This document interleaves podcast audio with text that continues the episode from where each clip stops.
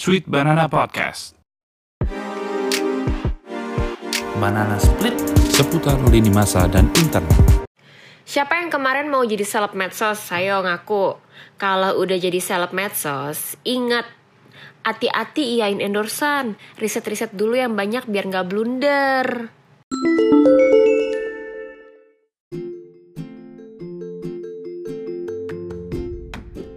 Kayaknya baru berapa hari ini ya? Kayak baru sehari deh, baru sehari kemarin atau dua hari kemarin ada keributan terbaru karena artis-artis in- Indonesia dan artis-artis medsos di Indonesia ini tuh lagi eh, pasang apa ya? Pasang status, pasang postingan Instagram khususnya. Ada yang bikin di Twitter juga deh kayaknya dengan hashtag Indonesia butuh kerja. Ceh. Langsung nih ya artis-artis ini dihujat sama aktivis-aktivis sosmed. Tunggu tunggu. Sebelum ngomong kenapa aktivis-aktivis ini pada ngehujat, kita sebutkan dulu ya beberapa orang yang dihujat oleh aktivis ini. Ada pemilik eh, pemilik kedai Lawless Burger yaitu Gofar Hilman, terus ada Cita Citata, ada Inul Daratista, ada Fitri Tropika, ada siapa lagi ya? Hmm, ada oh eh, Ardito Pramono yes ada itu salah satu eh, salah bukan satu beberapa dari artis yang diserang oleh aktivis-aktivis sosmed nah jadi aktivis-aktivis sosmed ini akhirnya pada nyerang mereka menghantam mereka karena mereka merasa bahwa em, Hashtag Indonesia Butuh Kerja itu adalah ternyata adalah hashtag yang mendukung rancangan undang-undang Omnibus Law Cipta Lapangan Kerja. Setelah ini kita akan sebut dengan gampang aja lah ya RUU Cipta Lapangan Kerja apa? Cipta Cipta Lapangan Kerja ya? Cip, Ciptaker, Ciptaker. Nah, RUU Ciptaker. Nah, jadi menurut orang-orang hashtag ini tuh sebenarnya me- me- mendukung RU Ciptaker yang sebenarnya kontroversial gitu. Banyak aktivis-aktivis ini yang curiga, termasuk gue nih, termasuk gue. Curiga nih kayaknya ada pemerintah di balik batu, alias ada pemerintah di balik si, si artis-artis yang nge-share hashtag Indonesia butuh kerja. Gak lama langsung beberapa artis termasuk Gofar Hilman, terus Fitri Tropika minta maaf dan nge-take down postingan mereka dan mereka mengakui kalau mereka tuh kurang riset dan kurang hati-hati. Itulah mengapa tadi di awal aku bilang kalau nanti ada dari kalian jadi me- seleb medsos, hati-hati nerima endorsan, riset-riset dulu, Eh, harus tetap kritis. Kalau punya tim em, yang mungkin menerima endorsan, carilah timnya tuh yang kompeten gitu ya, jangan yang cuma mikirin duit. Ups. malam ini sebenarnya bukan malam ini. Oke, ini ini, ini rekamnya emang lagi malam-malam sih. Tapi di episode kali ini nih, em, aku mau nyinyirin sedikit soal artis ini, plus ngobrol agak serius, tapi tetap ringan bareng satu jurnalis yang juga sahabat aku banget. Dulu tuh hobi kita kalau nyinyirin artis-artis tuh bareng, eh maksudnya kita berdua tuh hobinya nyinyirin artis dan nyinyirin teman-teman lo nggak deng, nggak deng, nggak ya sis? Enggak, enggak, enggak. Itu ada ada satu teman jurnalis aku bernama Gina. Ayo sis, kamu boleh coba memperkenalkan sis daripada nanti aku memfitnah kamu dengan bilang bahwa kamu adalah teman nyinyir aku. Jadi siapakah Anda, tapi, Gina? tapi itu benar, tapi itu benar. Oh, itu benar. kita kan emang hobi, yes. Jadi Kita hobi, Uh, uh. tapi kita kan kalau nyinyir harus berbobot gitu ya sis. Ember. Boleh ada pedesnya, tapi tetap harus dalam gitu Ember, nyinyirnya ya. Jadi ember. nggak nggak permukaan aja gitu. Kayak Uh-uh. episode kali ini tuh kita mau nyinyir soal em, ertong ertong. kebijakan pe- ertong plus RUU yang kagak jelas itu kabarnya ya kan Iya, sis. baik. Tapi sebelumnya siapa sih kamu ini? Kabarnya kamu tuh mirip Kim Go Eun dan Song Hye Kyo bener apa enggak? Ya bener dong. Oh, terus, terus mereka berdua lagi beratapi gitu ku menangis enggak. Jadi bener bener bener. eh apa sih tadi pertanyaannya, Bo? Oh iya, bener. Jadi Anda nama siapa? nama aku Gina, Gina Galia, biasa sehari-hari ya mencari uh, mata pencaharian dengan menjadi jurnalis di Jakarta Post. Dulunya kantornya Anya juga nih, jadinya Yes benar. Uh, uh, aku uh, cover uh, isu-isu politik biasanya. Jadi memang Hmm, uh, ngepostnya tuh di DPR dan kadang-kadang ya memang uh, apa isu-isu government gitu sih. Gitu. Hmm. Berarti kamu ngikutin banget dong nih pembahasan RUU Cipta Kerja ini Ciptaker ini. ya? banget sis dari 2018 ya dari dari awal itu undang-undang eh itu RUU kepengen dibikin dari kayak cuman sekedar apa ya sekedar eh, pikiran-pikiran doang gitu tuh aku sebenarnya udah udah udah jadi wartawan dan sudah memantau si isu ini gitu kan karena kan dulu aku wartawan ini eh, ekonomi kan dan kebetulan ngepostnya di Kemenko Perekonomian. Jadi eh apa ya mau nggak mau ya kita harus tahu kan ada ada hal itu gitu loh. Jadi ya Baik, gitu. baik. Nah, sis, kita nanti pokoknya hari ini, maaf bukan hari ini lagi ya. Eh, episode kali ini, aku dan kamu kita akan nyinyirin itu ya. Nyinyirin tuh dalam artian maksudnya ngomentarin, ya, sis, Ngomentarin. ya. Boleh opini kamu. Uh-uh. Sebisa mungkin sih kita objektif ya, sis. Tapi pasti ya namanya kita di sini berdiri sendiri sebagai seorang individu, pasti nanti ada tetap ada opini yang subjektif dong, nah ya kan sis? itu benar itu di itu disclaimer ya sis Bener ya disclaimer dong bener ini kan kita sebagai individu eh, eh, apa ya eh, dengan Sebagai citizen kebebasan ya. berpikir iya kebebasan berpendapat di kita di negara demokrasi yang mengusung kebebasan-kebebasan itu kan yang Uh-uh. menjamin itu jadi ya pasti disclaimernya adalah eh, apa itu namanya pandangan-pandangan yang subjektif Iya. walaupun kita akan berusaha untuk membahasnya dengan eh, se- Seobjektif seobjektif mungkin, mungkin. Gitu.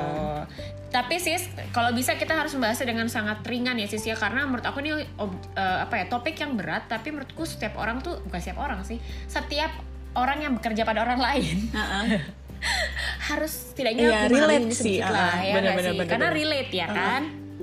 Ya sis. Bener. Nah sis, eh, aku lupa tadi mention di depan nih. Jadi kan tadi ada- aku bilang bahwa beberapa artis itu minta maaf karena eh, kampanye mereka tuh taking down. Terus ah, pem- aku lupa bahwa pemerintah tuh juga akhirnya hari ini ngomong kabarnya dia mereka tuh ngomong gini, oh kami tuh nggak ada ikut campur em, bikin-bikin hashtag kayak gitu itu mungkin beberapa artis aja kali bikin hashtag dan kebetulan sama. kebetulan bareng gitu, ya ya Kebetulan bareng. kali deh iya. ya nggak sih mau Ya kali, bener sih. Eh, ya kali kan maksudku. Oke deh, mungkin mungkin itu bukan pemerintah ya, tapi menurut aku ya ada ada aktor lah di balik itu. Kok bisa sama Iya, gitu kan? Sis ya bener. kan. Uh-uh. Ya Nggak mungkin mungkin, lah. organik gitu. Uh-uh. Nggak mungkin lah kayak, Bener. ayo kita rame-rame kita menjadi aktivis omnibus law terus kayak ngapain gitu loh. Iya, iya bener dan dan kayak bayangin deh Gofar Hilman. Em, terus cita-cita atau gini nggak nggak sebenarnya kenyinyiran aku tuh pertama gini cita-cita tak nih Uh-uh. coba lihat captionnya deh kamu kalau misalnya sekarang lagi eh, teman-teman kalau mendengarkan podcastku dengan Gina saat ini dan lagi slow coba buka tuh akun cita-cita tak captionnya biasanya gini Masih ada ya? tadi ya Masih ada. Enggak, enggak ada sih. Sekarang udah enggak ada kayaknya. Tapi aku tuh melihat ya caption-caption cita-cita tuh tipikal caption-captionnya mbak-mbak yang eh, sebenarnya cuma pengen posting foto aja terus captionnya harus caption yang eh, apa motivational gitu sih, tahu kan? Oh, oh, paling itu timnya kali yang bikinnya nggak sih ngopas. Nah makanya kan maksud aku biasa caption dia kan tipikal caption motivational mendayu-dayu iya, iya, polisi iya, iya. paling cuma se Apa quotes-nya Rumi, mungkin iya nyarinya di quotes-nya Rumi atau quotes-nya quote-nya Rumi. Enggak enggak dia tipikal yang kayak bikin quote sendiri tapi kayak misalnya nih aku bacain nih. Bahasa Indonesia. tipikal yang melupakan bukan Oh, membenci titik, oh, Mbak Galau ya? titik. Oh iya ya kan sis? Nah Baik. quote quote kayak gitu tuh loh maksud aku kan tipikal waduh. No pain no gain cenah kan Uh, sis uh, terus uh. apa lagi nih? Yang yang tipikal captionnya tuh caption pendek-pendek aja kayaknya dia yang penting cuma ngepost ngepost foto foto mukanya dia Iya, foto iya. kegiatan dia gitu. Tiba-tiba ngomongin ada RUU Cipta Kerja kaget dong sis ya kan? Iya, benar. aneh gitu maksudnya anomali sekali gitu. Nggak mungkin itu organik. Dan tadi aku sempet tanya juga sih sama teman aku yang dia tuh kerjanya di agensi-agensi kayak gitu. Dia bilang nggak mungkin lah itu organik. Soalnya uh, artis-artis itu atau influencer-influencer itu kalau mau ngepost sesuatu di IG-nya mereka tuh pasti disaring banget karena kan itu berdampak kepada reputasi mereka Iya, juga uh-uh. gitu kan sih Benar, benar. Kayak mereka ngupload foto misalnya foto pakai sarung aja bisa-bisa kan ada followers yang ilfeel gitu kan. Ih, oh, ini Betul. pakai sarung atau Pak- apa gitu. pakai bikini aja bisa dihina-hina gitu ya benar. gitu kan sih benar benar jadi nggak mungkin sih kayak se segampang itu posting maksudnya apa ya? Kayak posting tanpa tanpa mikir gitu ya. Iya. maksudnya tanpa mikir terus hashtagnya sama semua lagi. Udah gitu hashtagnya kan Indonesia butuh kerja. Waduh udah kayak kayak apa ya? Kayak apa istilahnya kayak apa ya? Kayak krisis banget eh, pekerjaan gitu ya. Krisis banget lapangan kerja iya gitu.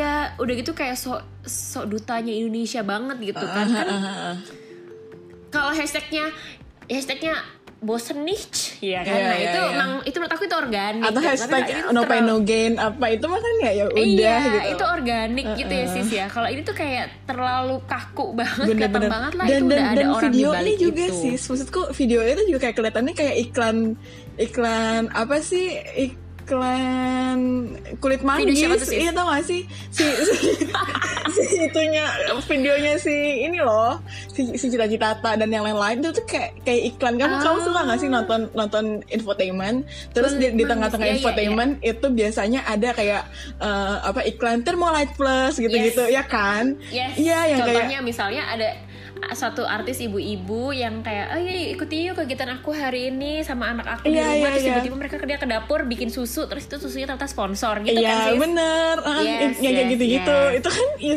Ya. aku ngeliatnya tuh formatnya kayak anjir kok gini banget ya, kayak kayak iklan iklan iklan Thermolite banget. ya. Iya, jadi kalau misal dibilang itu tuh kayaknya eh, apa ya postingan mereka santai aja atau apa postingan mereka kebetulan aja Uh-uh. terus eh, sama semua kayaknya janggal nggak sih janggal. Pemerintah, Uh-uh. mohon maaf ini tadi spokesperson pemerintah kayak kagak mikir. Maksudku bukan gitu ya, bukan bukan bukan kagak mikir. Menurut aku eh, seharusnya pemerintah itu punya tim yang lebih paham lah soal digital Iya, ya kan. jangan Orang- terlalu menurut aku masyarakat Indonesia ah. tuh Yes, masyarakat masyarakat Indonesia tuh udah nggak bego-bego banget ya Iya. sih, apalagi soal beginian, ya kan? Maksudnya kita tuh khawatir ya, concern kita tuh kayak jangan-jangan nanti se- setelah ini orang jadi nggak percaya karena jawabannya juga eh, apa ya? Karena karena jawaban pemerintahnya tuh juga eh ya kayak gitu gitu loh, yang yang hal-hal Iya, yang kayak kayak- almost impossible gitu loh. Iya kayak eh, apa ya, seolah me- menggampangkan, menggampangkan ya kan jadinya Hmm. takutnya orang jadi nggak percaya gitu bukannya bukannya gimana gimana Betul. ya jadinya kayak ya kayak gitu aja kan emang penting Iya. ya komunikasi eh, apa sih publik itu loh Publik. Heeh. Betul, betul, betul. Sis, oke kita udah ngomongin kenyinyiran kita soal artis-artis ini ya. Mm-mm. Nah, jadi kan mereka tuh tadi punya hashtag Indonesia butuh kerja, kerja. yang mana adalah eh, ternyata hashtag yang dianggap mendukung RUU Cipta Kerja ya sis. Mm-mm. Kamu tadi udah bilang udah ngikutin di tahun 2018, 2018 ya? Heeh, 2018 Ketika itu Jokowi duluan yang yang me- ngomongin, Enggak, yang enggak, ngomongin, yang dulu ngomongin tuh bukan. dulu tuh nggak bukan bukan Jokowi. Justru Jokowi ngomongnya setelah menteri-menteri. Jadi tuh eh apa memang aku waktu itu ngikutinnya tuh pas lagi masih di tataran menteri gitu. Kalau nggak salah tuh dulu uh, awal banget yang ngomong itu entah itu Darmin ya kalau nggak salah Darmin deh atau Pak Pak Darmin Nasution yang sekarang udah nggak jadi menteri lagi dulu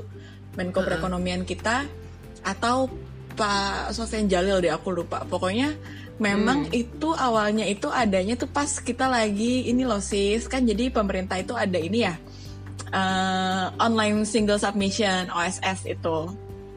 Mm-mm, yang mm-mm. waktu itu memang eh, proyek pemerintah yang eh, memang ditunggu-tunggu gitu loh oleh eh, kalangan ekonomi lah oleh si eh, investor oleh eh, apa pengusaha gitu kan. So, waktu itu OSS ini kan kayak semacam apa ya sis ya? Jadi itu eh, selama ini kan kalau misalnya kita mau buka bisnis itu kan kita ke eh, PTSP kan?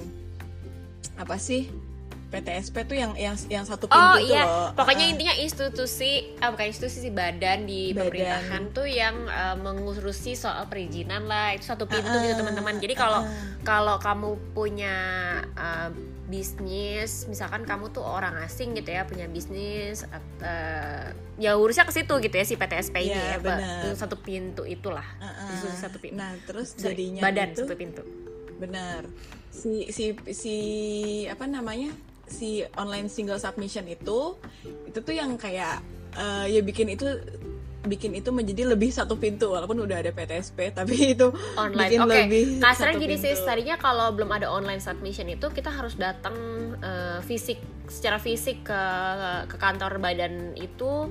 Tapi ketika ada online submission bisa pakai um, internet aja via laptop gitu ya sih berarti. Eh, bisa, tapi juga datang datang juga sih, datang juga. Tapi Oh, yang, tetap harus eh, datang. memang memang kita bisa pantau itu kayak kita mantau eh, JNE eh JNE sorry Shopee Shopee gitu loh sis. Ah. Jadi kan kalau oke. misalnya kalau misalnya dulu itu kalau misalnya kita mau uh, licensing ya misalnya. Itu kan kita nggak tahu nih proses kita udah udah udah ada di mana nih? Udah di mana uh, Oh, apa kalau mau pa- permohonan mau apa, kita?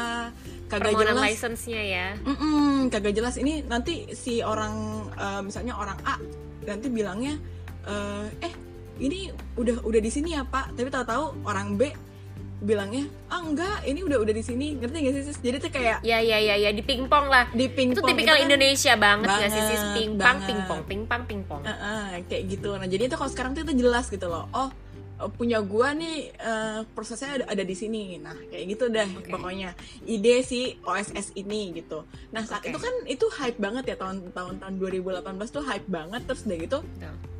Uh, tapi di, di satu sisi memang regulasi kita tentang uh, apa licensing itu tuh masih tumpang tindih gitu loh antara Oh. uh, apa regulasi yang di daerah, regulasi menteri sama regulasi yang uh, pemerintah uh, pusat gitu.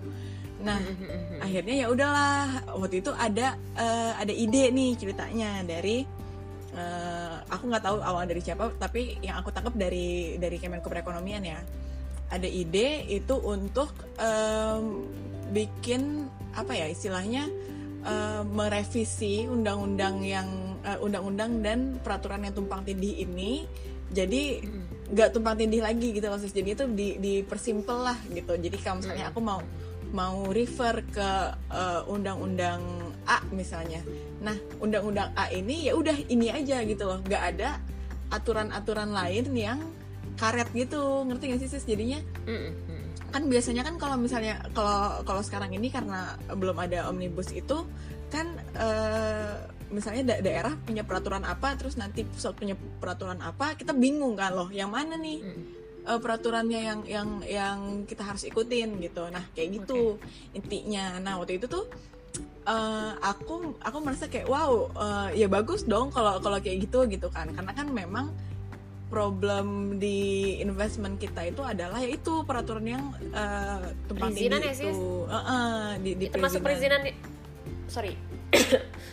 Termasuk ini bukan sih sis? Em, apa namanya? Indonesia itu kan aku tahun lalu nih sempat dapat kerjaan dan aku kebetulan harus nulis em, tentang Indonesia ya. Ah, ah.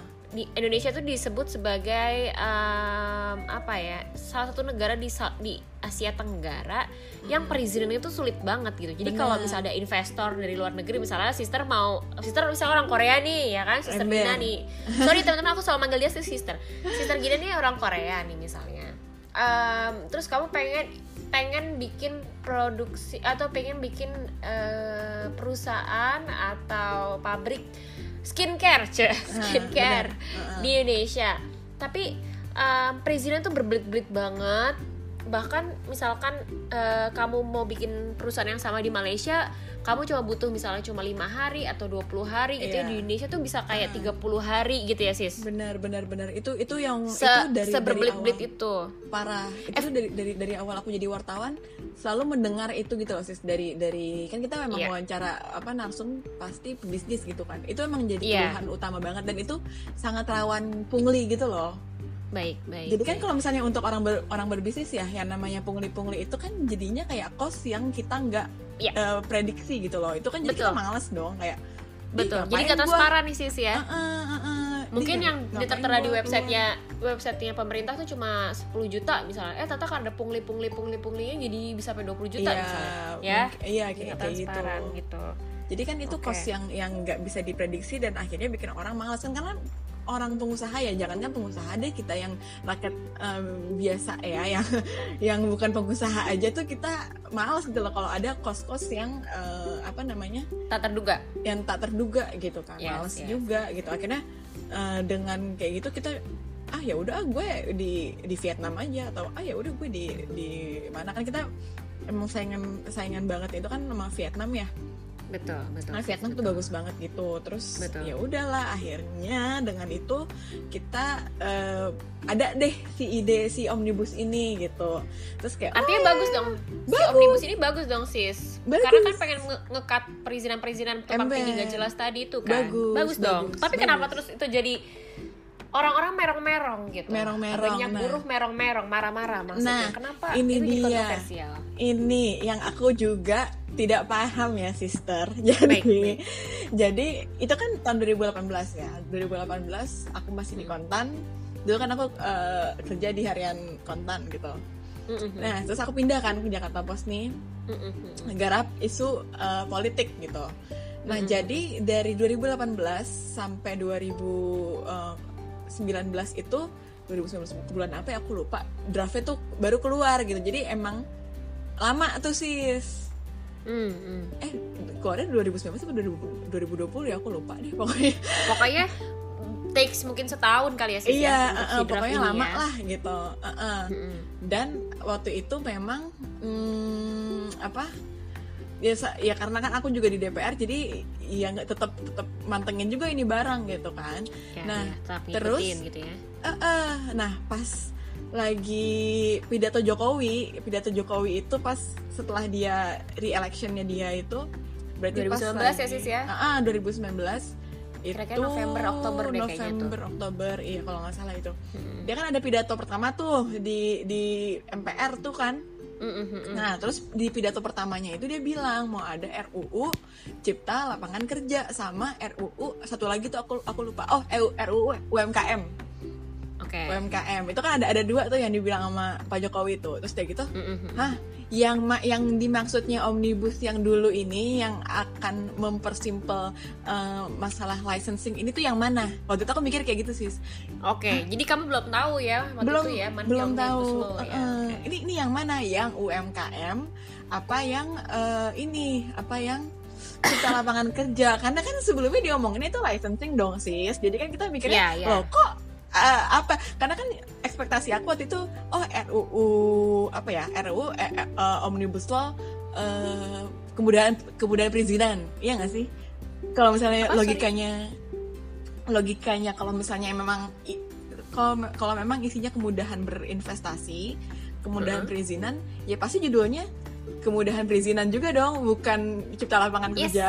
Iya, ya kan? karena kan tadi pem- eh, pemikiran kita kita kan pengen eh enggak enggak sorry kamu tau dari si Opung dan Kementerian Perekonomian waktu itu ya sis ya taunya kan Mm-mm. pengen omnibus law ini pengen ngekat tumpang tindih perizinan Tumpang tadi. tindih. Uh-uh. Iya.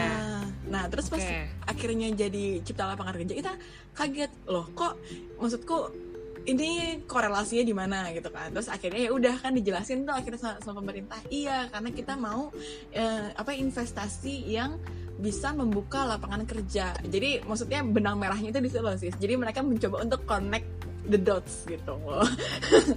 Antara masalah licensing ini dengan eh, masalah penciptaan lapangan kerja. Jadi kan ya karena karena eh, licensingnya nggak lancar, eh, mereka nggak nggak bisa eh, investasi dan akhirnya nggak bisa buka lapangan kerja dong intinya gitulah. Yes, yes, yes. Ya, mm, ya walaupun ini maksudku ini hal yang berbeda gitu loh. Kalau kalau menurutku ya, kalau menurutku gitu. Iya, oke. Nah, terus akhirnya ya udahlah, kaget lah kita kan. Loh, cipta lapangan kerja. Nah, akhirnya eh, si draftnya tuh kan keluar nih. Waktu itu namanya masih cipta lapangan kerja. Oke. Karena kan sekarang udah ganti ya jadi cipta kerja gitu. Karena Cip- cipta lapangan kerjanya tuh jadiin cilaka. Oh. Iya. Sama Yes, benar, burce-burce. benar, uh-uh. Sama buru-buru. aktivis-aktivis, yes, yes, yes, Uh-uh. betul. Cilaka, Uh-uh. betul. Di- dijadiin akhirnya namanya cilaka kan. Jadi kan kayak pemerintah Iya. anjir dijadiin cilaka nih ah udah gue ubah jadi cipta kerja yang walaupun kalau di bahasa Inggrisin sama tetap job creation bill tetap ya Iya, kan? iya, iya, iya, iya, betul, Iya. betul. Nggak ada, nggak ada, nggak ada gantinya lah ya. Iya, nggak ada gantinya. Masa Mhm. apa job field creation bill kan males ya. Iya, betul. Terus udah gitu, ya udahlah. Nah ternyata pas aku buka isinya kan bejibun tuh ya sis ya pasalnya. Banyak ya sis. Berapa Banyak. halaman tuh kira-kira berapa Wah, berapa lupa. lembar tuh kamu sis? Lupa aku seribuan ada kali. Sumpah ya, banyak Pokoknya- banget. Terus terus ribuan terus. ribuan. nah terus ya udah tuh akhirnya eh, sampai sampai hari ini pun aku nggak pernah baca itu bener-bener kayak dari awal sampai habis tuh ngurut gitu nggak Iyalah. Heeh, ya kayak buset Nggak kerja ngapain. kamu sis, Nggak makan, nggak nonton Korea, nggak nonton drakor, drakor kalau baca itu doang. Terus terus. Emberan. kadang kepengen sih kayak aduh gue pengen ah baca tapi kayak gimana ya sus ya? Aduh. Anyway terus ya udah akhirnya ternyata di di dalam si eh, apa omnibus ini ada lah itu. Eh, mereka mau merevisi undang-undang ketenaga kerjaan undang-undang 13 nomor eh, 2000 berapa gitu 2003 deh kalau nggak salah. Pokoknya si undang-undang ketenaga kerjaan ini yang memang setengah mati itu untuk di eh, apa namanya untuk direvisinya setiap mau ada revisi undang-undang itu undang-undang ketenaga kerjaan selalu ada demo buruh dan itu udah berkali-kali sejarah itu berulang gitu loh sis. Oke oke. Nah akhirnya mereka eh, karena itu ada di apa namanya di omnibus ini eh, akhirnya ya udah si buruh-buruh ini bereaksi deh ter gitu Oke. kan Arti bereaksi gini, menolak. Awalnya Sister Gina nih pikir bahwa omnibus law ini kan hanya untuk me- menyingkat tadi ya tumpang tindih. Tiba-tiba ketika draftnya keluar kok ada soal revisi undang-undang eh, ketenaga kerjaan gitu. Benar. Yang aku baca tuh kalau nggak salah memang pemerintah itu udah pengen ngerevisi si undang-undang ketenaga kerjaan ini sejak tahun 2008 kalau nggak salah nih teman-teman ya. Boleh sambil Google lagi. Tapi aku ingat tahun 2008 tuh pemerintah jadi bukan hanya pemerintah Jokowi berarti ya sis ya Heeh, Dari emang- dulu emang dari banget. lama. Udah lama banget tuh pengen ngubah tapi ya itu tadi banyak eh, eh, tentangan dari buruh. Selalu ada demo buruh yang kayak dibilang sama sis Gina itu tadi ya. Mm-mm, mm-mm. terus apalagi sis yang kamu dapatkan setelah kamu baca itu sis? Nah terus ya paling paling eh, hal utama yang paling membuat undang-undang ini berat yaitu si si, si klaster ketenaga kerjaan ini nih si isu ketenaga kerjaan yang akhirnya diangkat sama pemerintah di undang-undang ini gitu eh di RUU ini gitu. Nah terus juga ada eh, apa namanya wi apa ya kewenangan dari daerah itu yang terlalu eh, heavy akhirnya di, dibawa menjadi kewenangan pusat gitu loh sih. Sementara kan kita kan emang eh, sistem negaranya kan otonomi daerah ya maksudnya. Betul. Memang Betul. harusnya negara eh, negara tuh negara kita kayak kayak gitu gitu ada ada dan itu berdampak juga kan ke ini ya sis ke apa istilahnya eh, upah minimum kerja di tiap daerah tiap kabupaten tiap benar. Jadi nggak nggak nggak sama semua kan sis nggak terus sama satu Indonesia upahnya tuh sama-sama 5 juta misalnya gitu. Iya. karena kan setiap daerah itu punya kemampuannya masing-masing ya. Iya. Dan pertumbuhan ekonomi dan inflasinya juga beda gitu kan. Jadi betul kayak, betul. masa iya gitu kan. Nah eh, akhirnya itulah. Jadi perizinan perizinan lain-lain tuh lebih lebih di lebih dipusatkan gitu loh ke pemerintah pusat yang mana? Sebenarnya nggak yang nggak seharusnya tuh se- separah itu juga sih. Jadi kayak gini ada pasal yang mm, waktu itu dibilangnya typo sama sama pemerintah. Jadi pasal yang bisa eh, apa ganti undang-undang jadi nge- ngerevisi undang-undang dengan perpres. Itu kan nggak boleh? Oke jadi kalau misalnya di, di konstitusi Betul. kita itu kan nggak nggak nggak nggak sesuai sama hierarki konstitusi gitu loh sih maksudnya Betul. udah ada tingkatannya sorry gitu loh mungkin bisa dijelasin kali sis mungkin banyak yang belum paham nih sis kenapa sih perpres itu tidak di- dibandingkan UU itu eh Dibandingkan. maksudnya perpres dan UU itu punya kekuatan hukum yang berbeda gitu mungkin yang Iya. anak-anak hukum bisa paham tapi mungkin bagi orang-orang yang, yang awam apa sih perbedaan perpres dan UU sendiri gitu kalau kalau si kalau menurut apa ya menurut uh, undang-undang dasar itu kan memang udah udah diatur ya. Aku lupa pasal berapa. Itu ada namanya hierarki hierarki apa sih? Hierarki regulasi gitu lah sis. Hmm, nah posisinya si undang-undang ini jadi posisi paling atas itu adalah uh, undang-undang dasar UUD 45 yes nah terus uh, undang-undang terus baru si paling berkuasa lah ya. Ah, ah. Nah, makanya posisinya hierarkinya si perpres ini Mm-mm. seharusnya ada di di bawahnya si undang-undang UU gitu. yes Di, di bawahnya UU.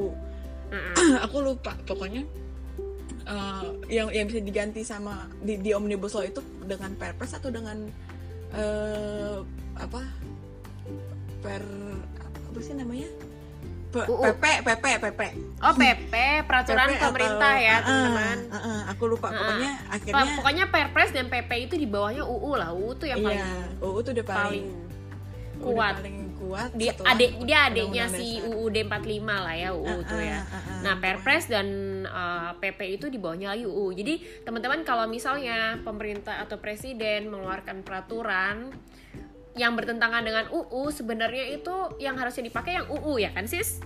benar Nggak Makanya bisa yang kalau- Perpres. kalau misalnya gini misalnya ada ada uh, peraturan uh, A gitu misalnya. Misalnya ada undang-undang apa misalnya undang-undang A gitu. Nah undang-undang ini tapi melang uh, apa ya uh, isinya tuh isinya nggak sesuai sama UUD 45 nah itu kita bisa di judicial review di uh, pengadilan gitu. Ya, bisa di kasarnya bisa di, di- ditantang lah di pengadilan Ditantang, untuk uh-uh. di untuk ditangguhkan karena tidak sesuai dengan UUD Karena 45 tidak karena yang paling kuat itu si UUD 45 gitu ya sis ya. iya gitulah intinya Oke. Terus sis Nah, terus sis. akhirnya jadi ada ada ada over kekuasaan gitulah intinya di pemerintah pusat walaupun memang memang emang kadang-kadang tuh daerah juga nggak bener juga gitu tapi nggak Mm-mm, mm-mm. nggak segitunya juga gitu loh maksudku nggak sampai meng- mengobrak-abrik eh, apa ya hierarki eh, regulasi kita gitu Baik, baik, baik. nggak seharus nggak seharusnya kayak gitu gitu kan bisa Mm-mm. cara lain ya itu kan Yes. Nah, terus udah sih yang yang yang masalah paling utama sih sebenarnya itu dua itu sih kalau aku lihat. Mm-mm. Tapi yang akhirnya menjadi apa ya istilahnya menghambat si undang-undang ini secara politik itu tuh ya si uh, ketenaga kerjaan ini gitu loh. Karena memang buruh ini kan masanya besar ya sis ya. Kita nggak nggak bisa nggak bisa memungkiri kalau buruh-buruh udah demo itu tuh boom gitu kan, gede, Gede banget itu banget. jadinya. Yes. Ah. Makanya kalau saya Mayday aja tuh jadinya bakal kayak yang namanya jalan-jalan di perkotaan tuh beng beng beng beng, beng rame gitu kan. Yes. Nah akhirnya ya udahlah buru-buru eh, bergerak lah bahkan kayak buru-buru yang tidak ngerti soal omnibus juga gitu misalnya ya mereka juga akhirnya jadi jadi menolak gitu walaupun mereka nggak nggak ngerti mungkin ya gitu. Peer pressure sis, peer pressure. peer pressure. Dan kan? akhirnya SJW SJW yang juga nggak ngerti juga ikutan eh, Ngomong. ngomong Yes. gitu kan nah Yes. akhirnya gitulah maksudku itu bukannya bukan aku menyalahkan eh, menyalahkan eh, mereka yang tidak ngerti ya tapi aku menyalahkan eh, jadinya tuh ekses gitu loh sis jadinya tuh eh apa ya, undang-undang yang sebenarnya eh, apa ya nawa itu utamanya tuh bagus gitu loh awal-awalnya gitu kan Ya. entah aku yang salah menangkap eh, niatan awalnya atau memang eh, memang melenceng di tengah jalan gitu aja atau gimana tapi Iya. yang aku yang aku tangkap waktu itu niat awalnya tuh bagus gitu loh Yang Nah, soal akhirnya si si licensing perizinan itu. kan, sis? Eh, eh, eh, eh. nah terus kemudian jadi jadi malah timbul hal-hal kayak gini yang itu justru menghambat proses eh, lawmakingnya juga gitu loh kan emang presiden Yes. tuh mintanya waktu itu kan 10 100 hari bahkan sih waktu pas lagi inian lagi Gila emang dia tuh sidang mohon maaf mohon maaf Pak, Pak Jokowi Pak Jokowi itu suka kagak kagak logis gitu kalau minta Bener. contoh vaksin kemarin mintanya tiga bulan Pak Jokowi mati atau orang Pak Jokowi Iya, vaksin kan butuh gimana? bertahun-tahun gitu ya contoh vaksin maksud gue Cuma Iya. Pak Jokowi aduh Pak kadang-kadang kalau minta sama bawahannya sama minta ini yang pakai logika gitu Pak pakai Ah, nalar gitu Pak. dan pakai perasaan gitu kan orang mah ya, ma- Iya. ya mau dibikin kerja gimana gua aja yang baca ininya baca omnibusnya aja males gimana? Iya iya. Gimana Sis, ini, tapi berarti artinya em, kalau dari dari kamu sendiri, kamu itu lebih ke pro RU Cipta Kerja ini kah? Atau malah misalkan em, kontra gitu? kalau aku sendiri itu kan sebenarnya eh, memang antara antara kita menolak atau setuju itu kan sangat bergantung ke privilege kita masing-masing ya sis ya Yes.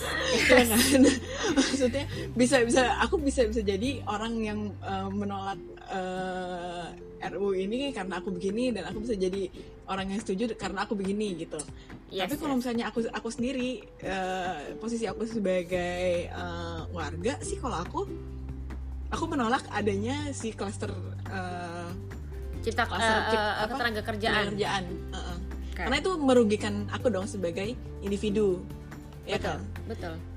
Eh, kalau yang lainnya sih aku aku aku rasa aku masih bisa maksudnya masih masih bisa kompromi lah ya maksudnya masih masih Oke. bisa oke lah di dikompromiin sama apa yang aku eh, nilai-nilai yang aku pegang gitu tapi ya Baik, itulah untuk yang si Nah. klaster ketenaga kerjaan ini sih yang aku agak berat Mungkin tadi Sister Gina belum mention ya teman-teman apa sih memangnya em, si klaster ketenaga kerjaan ini yang em, kenapa orang-orang atau buruh-buruh itu sering me- menolak adanya perubahan di UU ketenaga kerjaan gitu ya. Terus em, kenapa eh, klaster ketenaga kerjaan yang dicipta kerja kali ini juga ditolak habis-habisan gitu. Aku mungkin bisa kasih sedikit rangkuman teman-teman dari beberapa pemberitaan yang aku baca. Aku jujur aja sih nggak ngikutin terlalu uh, detail seperti Sis Gina karena di kantorku yang sekarang itu em, isu ini hanya uh, aku ikutin secara uh, garis besar aja gitu. Jadi belum terlalu nggak nggak ngikutin banget secara detail. Tapi anyway gini teman-teman.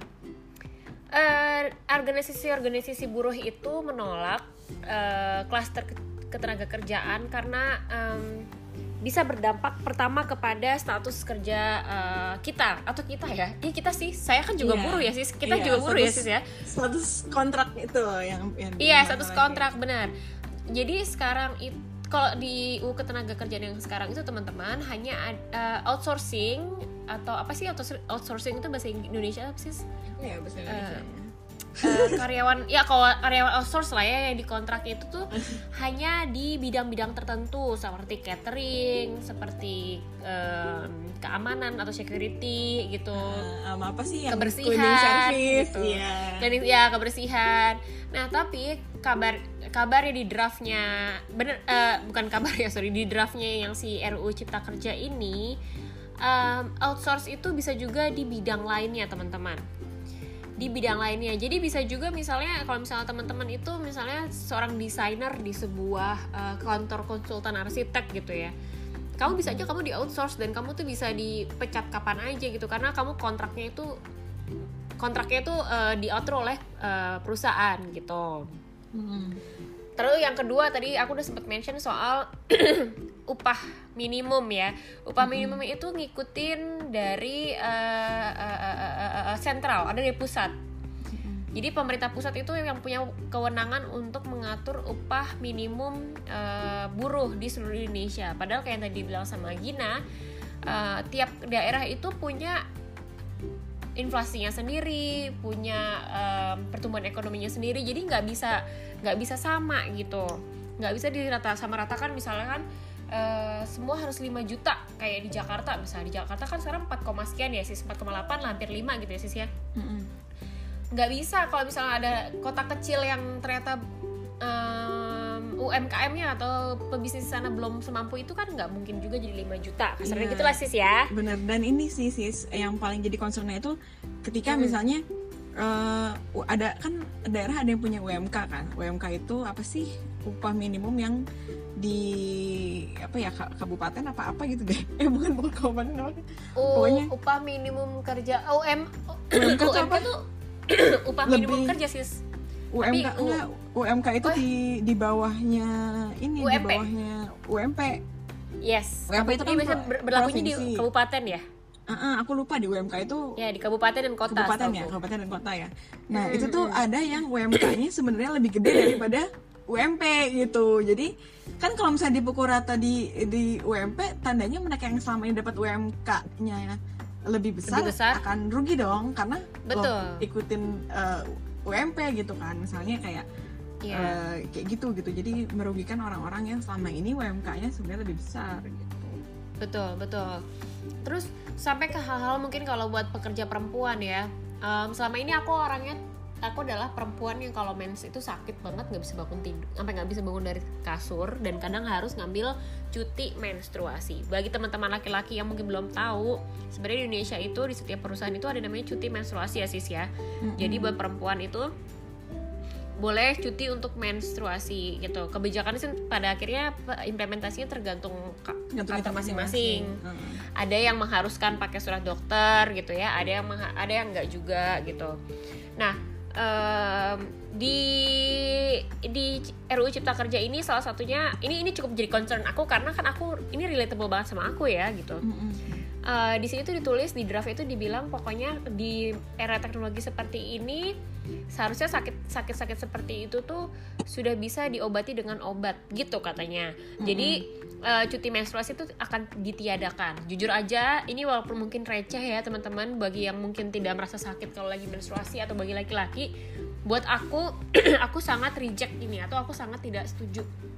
Karena aku tidak mau dipaksa oleh negara untuk minum obat yang aku tidak mau gitu teman-teman dan for your information obat obat eh, apa menstruasi ini eh, yang aku tahu sejauh ini tuh jurnal jurnal itu bisa mempengaruhi juga hormon gitu Iya dan dan Karena kan- tentu kamu cocok juga sama tuh obat kayak aku betul gitu. betul Aku tuh nggak cocok sama obat-obat painkiller gitu. Makanya akhirnya Betul. jadi ada alergi obat gitu kan dan aku nggak bisa apa ya eh, nggak bisa minum obat itu jadi kayak ya udah di diresapi kalau Iya. sakit makanya terus kesannya kok jadinya perempuan di- dipaksa untuk eh, apa ya minum obat gitu loh. Padahal obat kan harusnya diminum dengan konsen ya maksudnya dengan ke kitanya pengen sendiri gitu.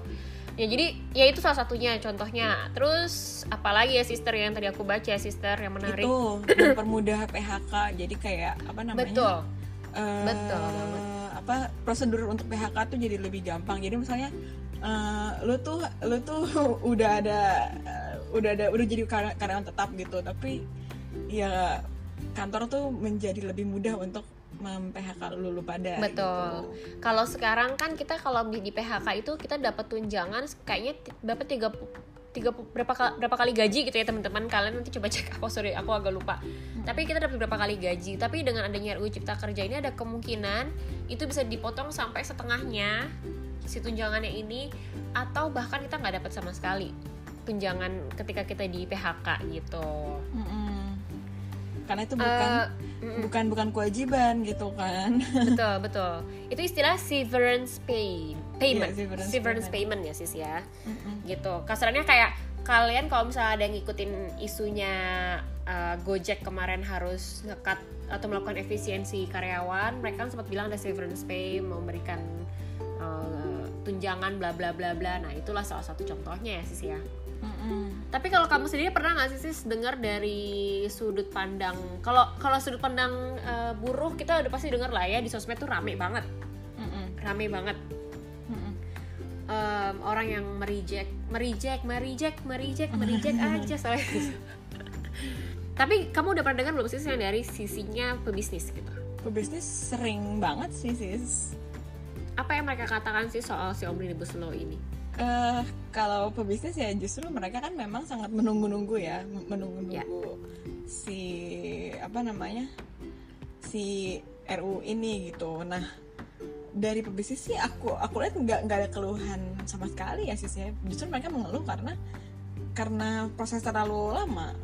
oke nggak jadi jadi gitu ya jadi ya jadi. Iya itulah yang Oke. di yang dikeluhkan sama eh, apa mereka gitu. Dan kayak kalau nggak salah aku pernah baca di Jakpos gitu di tapi anak-anak bisnis yang nulis. Karena kalau misalnya di JP itu aku bagian nulis yang eh, kritis-kritisnya gitu loh sih yes. Berat-beratnya sis ya kan? Tapi kalau des bisnis lebih mungkin lebih apa ya lebih ke eh, lebih dengerin ke pengusahanya gitu. Yes sih. iya iya iya iya. Nah em, aku tadi sempat sebelum bikin podcast ini karena aku aku menyadari bahwa topik podcast ini kan sangat berat ya. Jadi aku juga pengen mendapat insight dari eh, side sananya gitu side sana itu maksudnya side pebisnis investor gitu ya. Ternyata em, kayak tadi dibilang sama Gina em, Indonesia itu memang sangat bersa apa ya di- sangat tertinggal Mm-mm. Dibandingin kayak Vietnam gitu ya dalam urusan uh, investasi. Maksudnya kurang menarik bagi investor asing gitu. Kalau misalnya untuk untuk untuk invest di Indonesia. Pertama tadi kayak sister bilang itu perizinan yang bulat-bulat ya kan? Uh-uh. for your information ya teman-teman sebenarnya tuh um, Pak Pak D Jokowi di tahun berapa ya? Dia di tahun kayaknya di tahun 2017 2018 deh dia tuh tuh pengen eh di tahun 2017 atau 2018 tuh dia tuh pengennya Indonesia tuh masuk ke 40 besar gitu. Ke 40 besar. Ternyata di tahun 2018 ada survei yang mengatakan bahwa Indonesia tuh masih mandek di urutan ke 73 apa sih itu Gitu. I- IODB ya? Apa? Itu IODB atau apa Iya iya iya betul betul. Ya. Eh, dari Bank Dunia Doing Business 2010 eh 2010 sorry 2020 jadi ada laporan dari Bank Dunia yang mengatakan Indonesia itu masih di urutan ke 70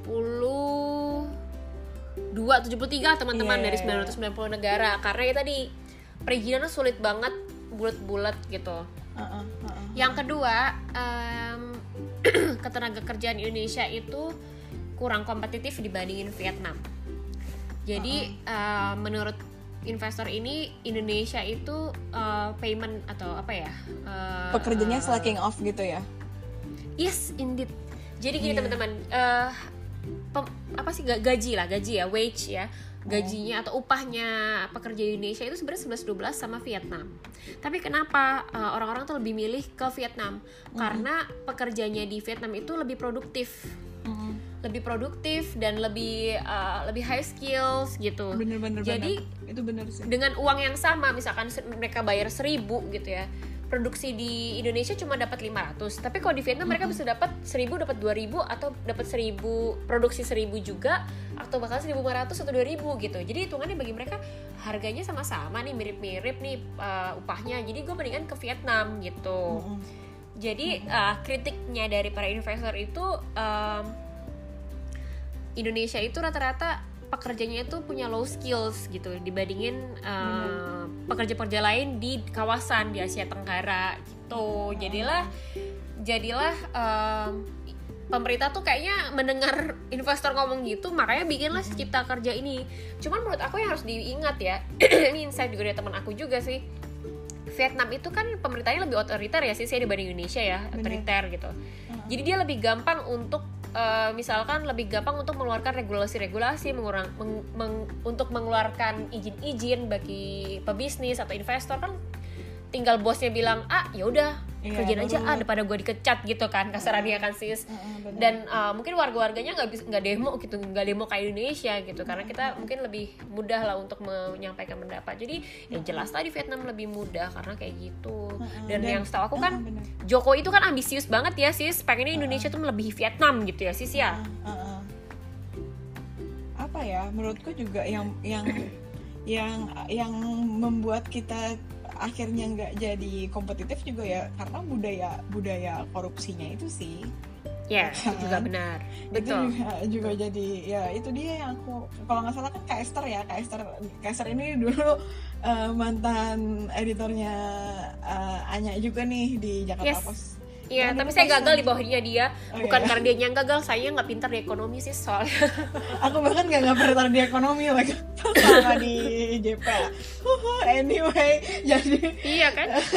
jadi eh, dulu tuh pas lagi ada revisi apa namanya undang-undang KPK itu ya Yes. revisi undang-undang KPK eh, kan akhirnya wacananya kayak ini revisi undang-undang KPK ini berpengaruh nggak sih sama investment kita? Kan jadinya kan jadi maksudku apa ya jadinya korupsi Ya, itu iklimnya harusnya eh, eh, korupsi itu harusnya ter ter apa sih ter terreduce apa sih terreduce tuh? Iya harusnya apa ya? Tertekan lah kasarnya nggak banyak kasus korupsi lagi karena ada Iya. undang-undang KPK gitu ya. Heeh, tapi eh, malah kan undang-undangnya justru, justru jelek kan. Ini nih apa aku bilang bener, emang bener jelek undang-undangnya.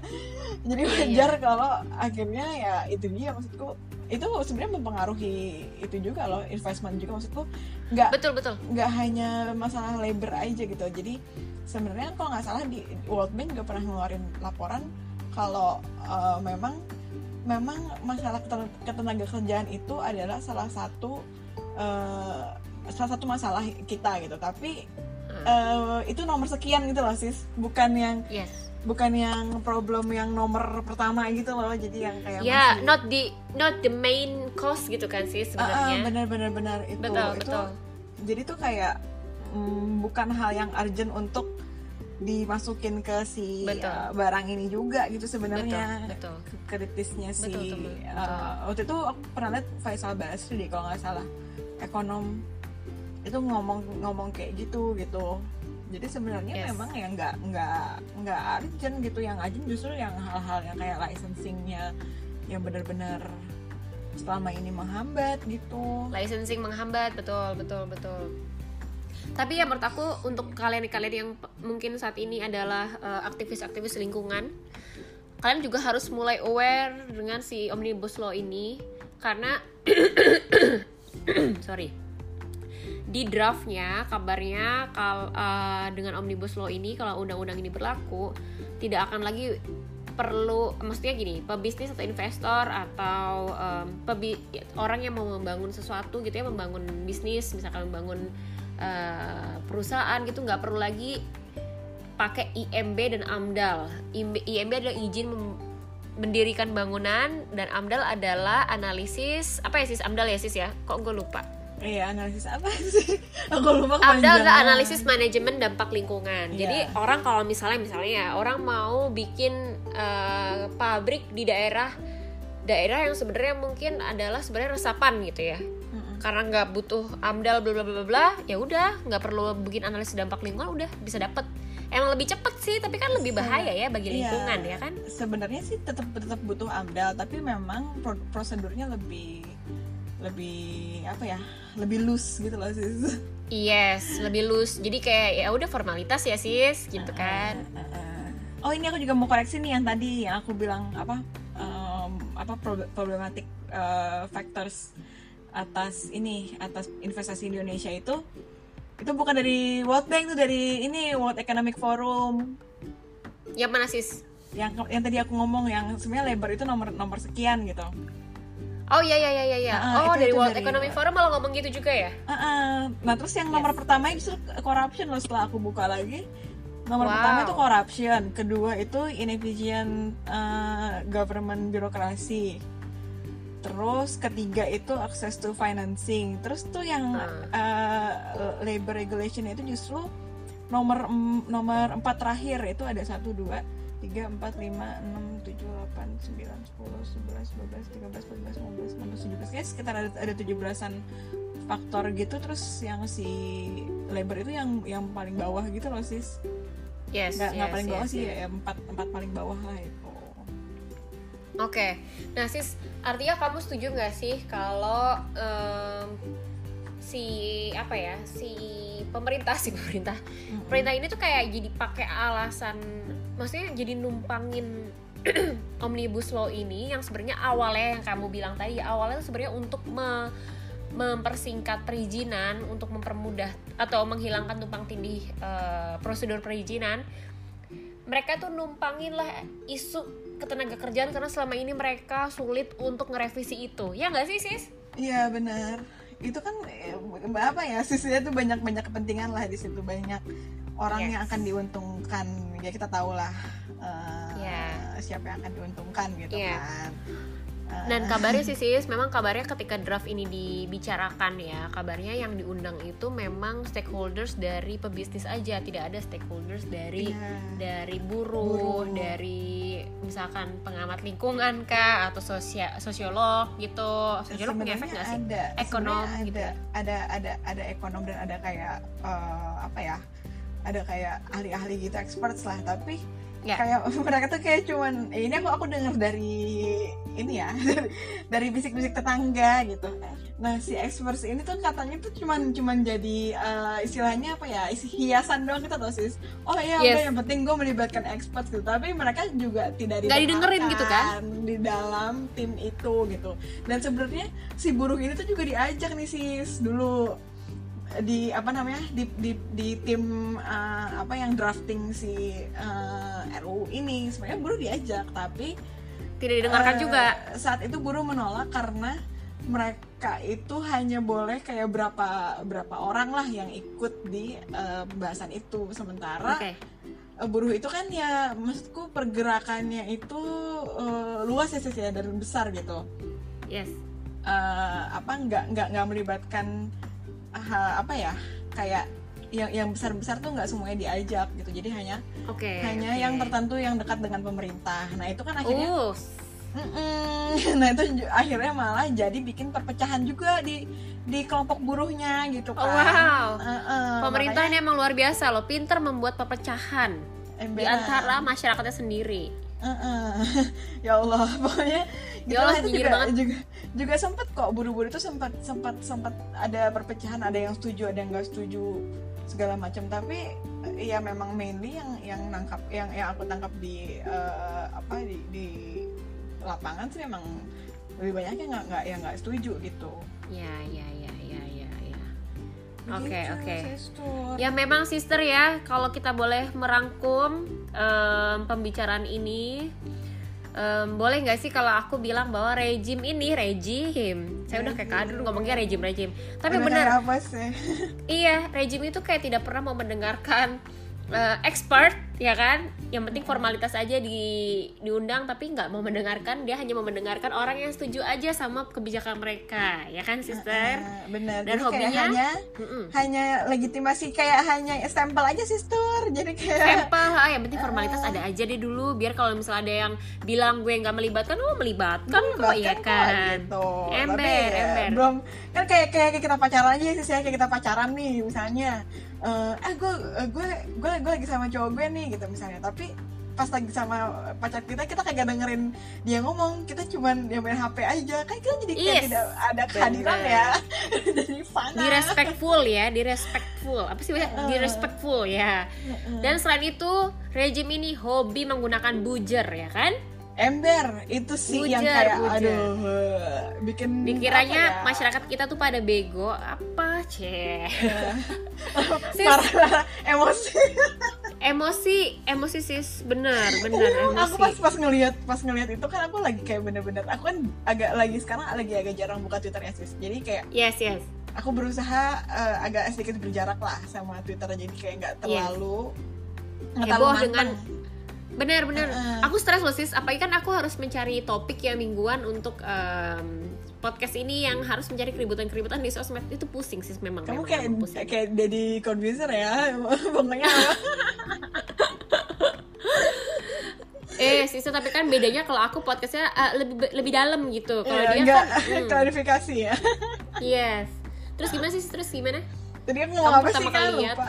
Iya pas pas pertama kali lihat justru aku bukan lihat langsung di Twitter kayak itu karena teman-temanku pada ngomong ini apa sih nih kok banyak banyak artis-artis endorse uh, omnibus law gitu terus aku baru ngeliat gitu kan Buset, ya kali Ardito, Ardito Pramono Yes. apa Cita-cita tak.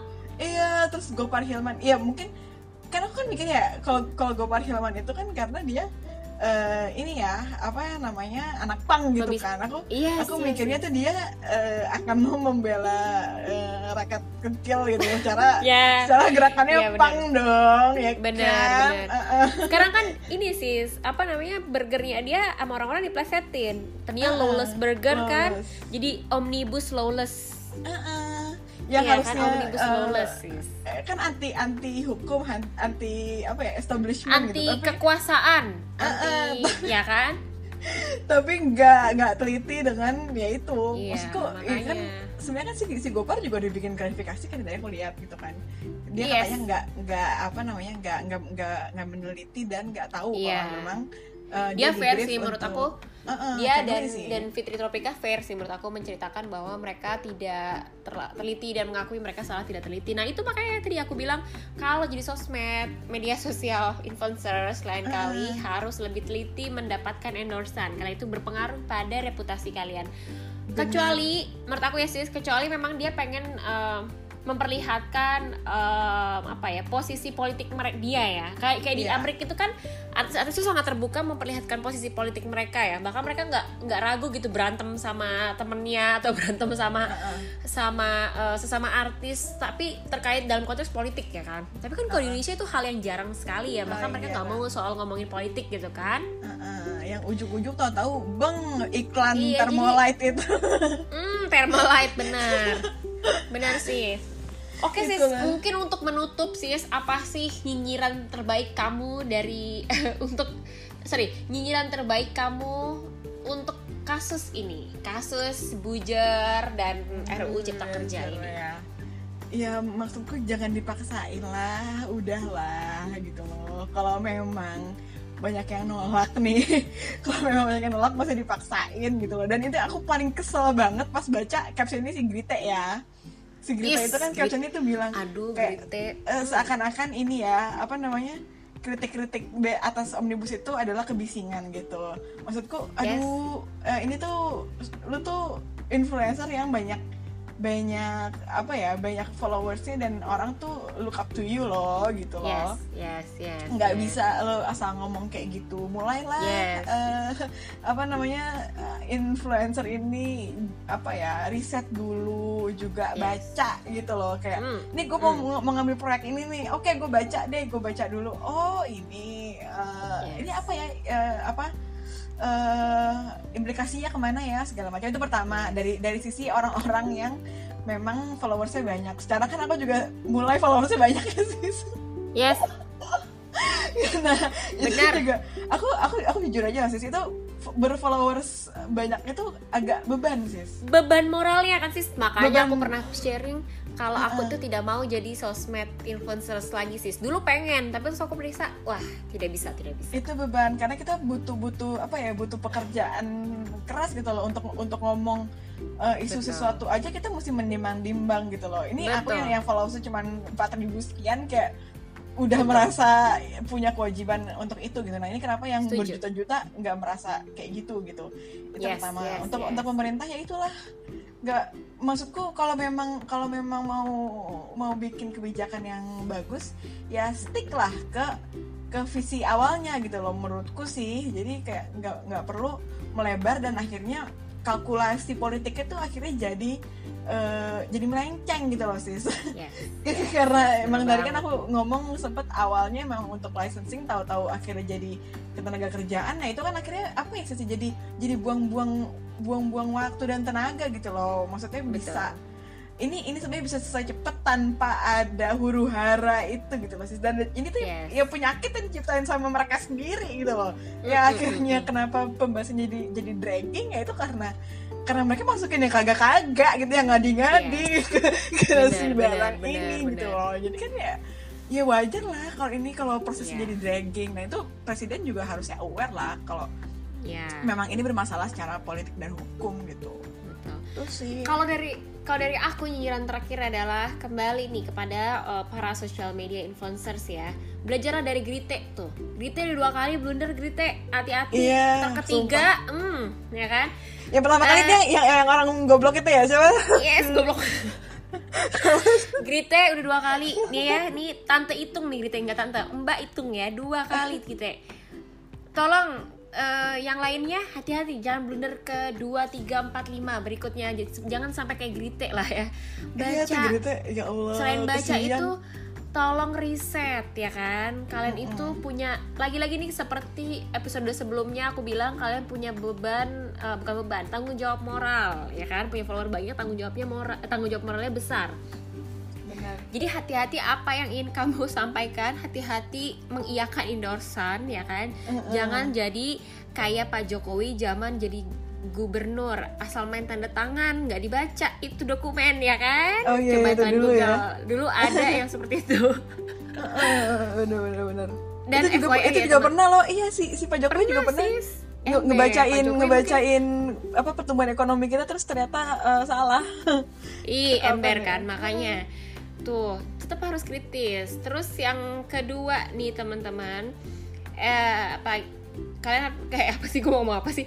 Kalian teman-teman nih nanti mungkin next aku mau bikin episode tapi nggak tahu kapan tapi episode bahwa em, buzzer dengan popularitas buzzer atau popularitas social media influencers em, orang-orang atau pemerintah pemerintah baik eh, atau pihak-pihak lain dengan sumber daya yang besar, sumber daya duit, sumber daya data, mereka bisa membuat propaganda dengan menggunakan social media influencer atau buzzer. Jadi hati-hati nih bagi social media influencers, jangan sampai kalian dipergunakan untuk menyebarkan propaganda yang nah merusak negara. benar Yes, benar ya benar kan? benar benar benar seenggaknya Nah. bukan bisa negara sih sis memecah belah eh, masyarakat Masyarakat Yes, apakah kalian mau jadi orang yang memecah belah masyarakat? No, jangan, ya kan? Karma lu banyak banget nanti karma buruknya. Jangan. Oke. benar. Sister makasih banyak nih udah mau ngobrol sama aku udah cukup panjang. iya. Em, teman-teman yang udah denger sampai akhir terima kasih udah denger sampai akhir. Semoga lebih banyak eh, lebih dapat pemahaman yang lebih eh, jelas. Walaupun mungkin nggak nggak komplit banget tapi lebih jelas soal omnibus law ya sister. Heeh, benar. Kalau mau lebih jelas lagi baca Jakarta Post dan oh tuh Jakarta Post tuh sering sambil belajar bahasa Inggris ya kan sis sambil belajar bahasa Inggris Selalu ya ya kan? promosi deh pokoknya Tetap, ya. Dan dan teman-teman, oh satu kalau kalian penasaran sama isunya, carilah uh, pemberitaan-pemberitaannya ya kan, Uh, berita faktanya dan berita analisisnya. Kenapa butuh faktanya? Biar kalian tahu apa sih yang terjadi kejadiannya. Kenapa butuh analisisnya? Biar kami kalian tahu insight-insight dari experts, dari um, stakeholders terkait. Jadi nggak cuma ngikutin narasinya pemerintah aja gitu. Jangan cuma baca thread di Twitter atau di Instagram karena belum tentu itu benar ya kan? Kan harus tetap kritis lah intinya. Di era digital ini kita tuh butuh kritis selalu. Ya, sister ya, setuju nggak? Bener bener dan ini emang emang undang-undang ini mah relate banget ya sama sama kita kita gitu loh maksudku. Yes, yes, yes. Relate yes. Ini tuh banget. relate banget. Eh, relate bagi kita yang masih bekerja pada orang lain dan relate juga Ah. bagi orang bagi kita kita yang mungkin mempekerjakan orang lain ya kan? Mm-mm, jadi bener. janganlah apatis-apatis banget lah ya kan? Sebagai anak muda eh, kita harus tetap partisipatif. Cih, gaya banget hidup gua. oke deh ketemu di episode berikutnya. Dadah sister.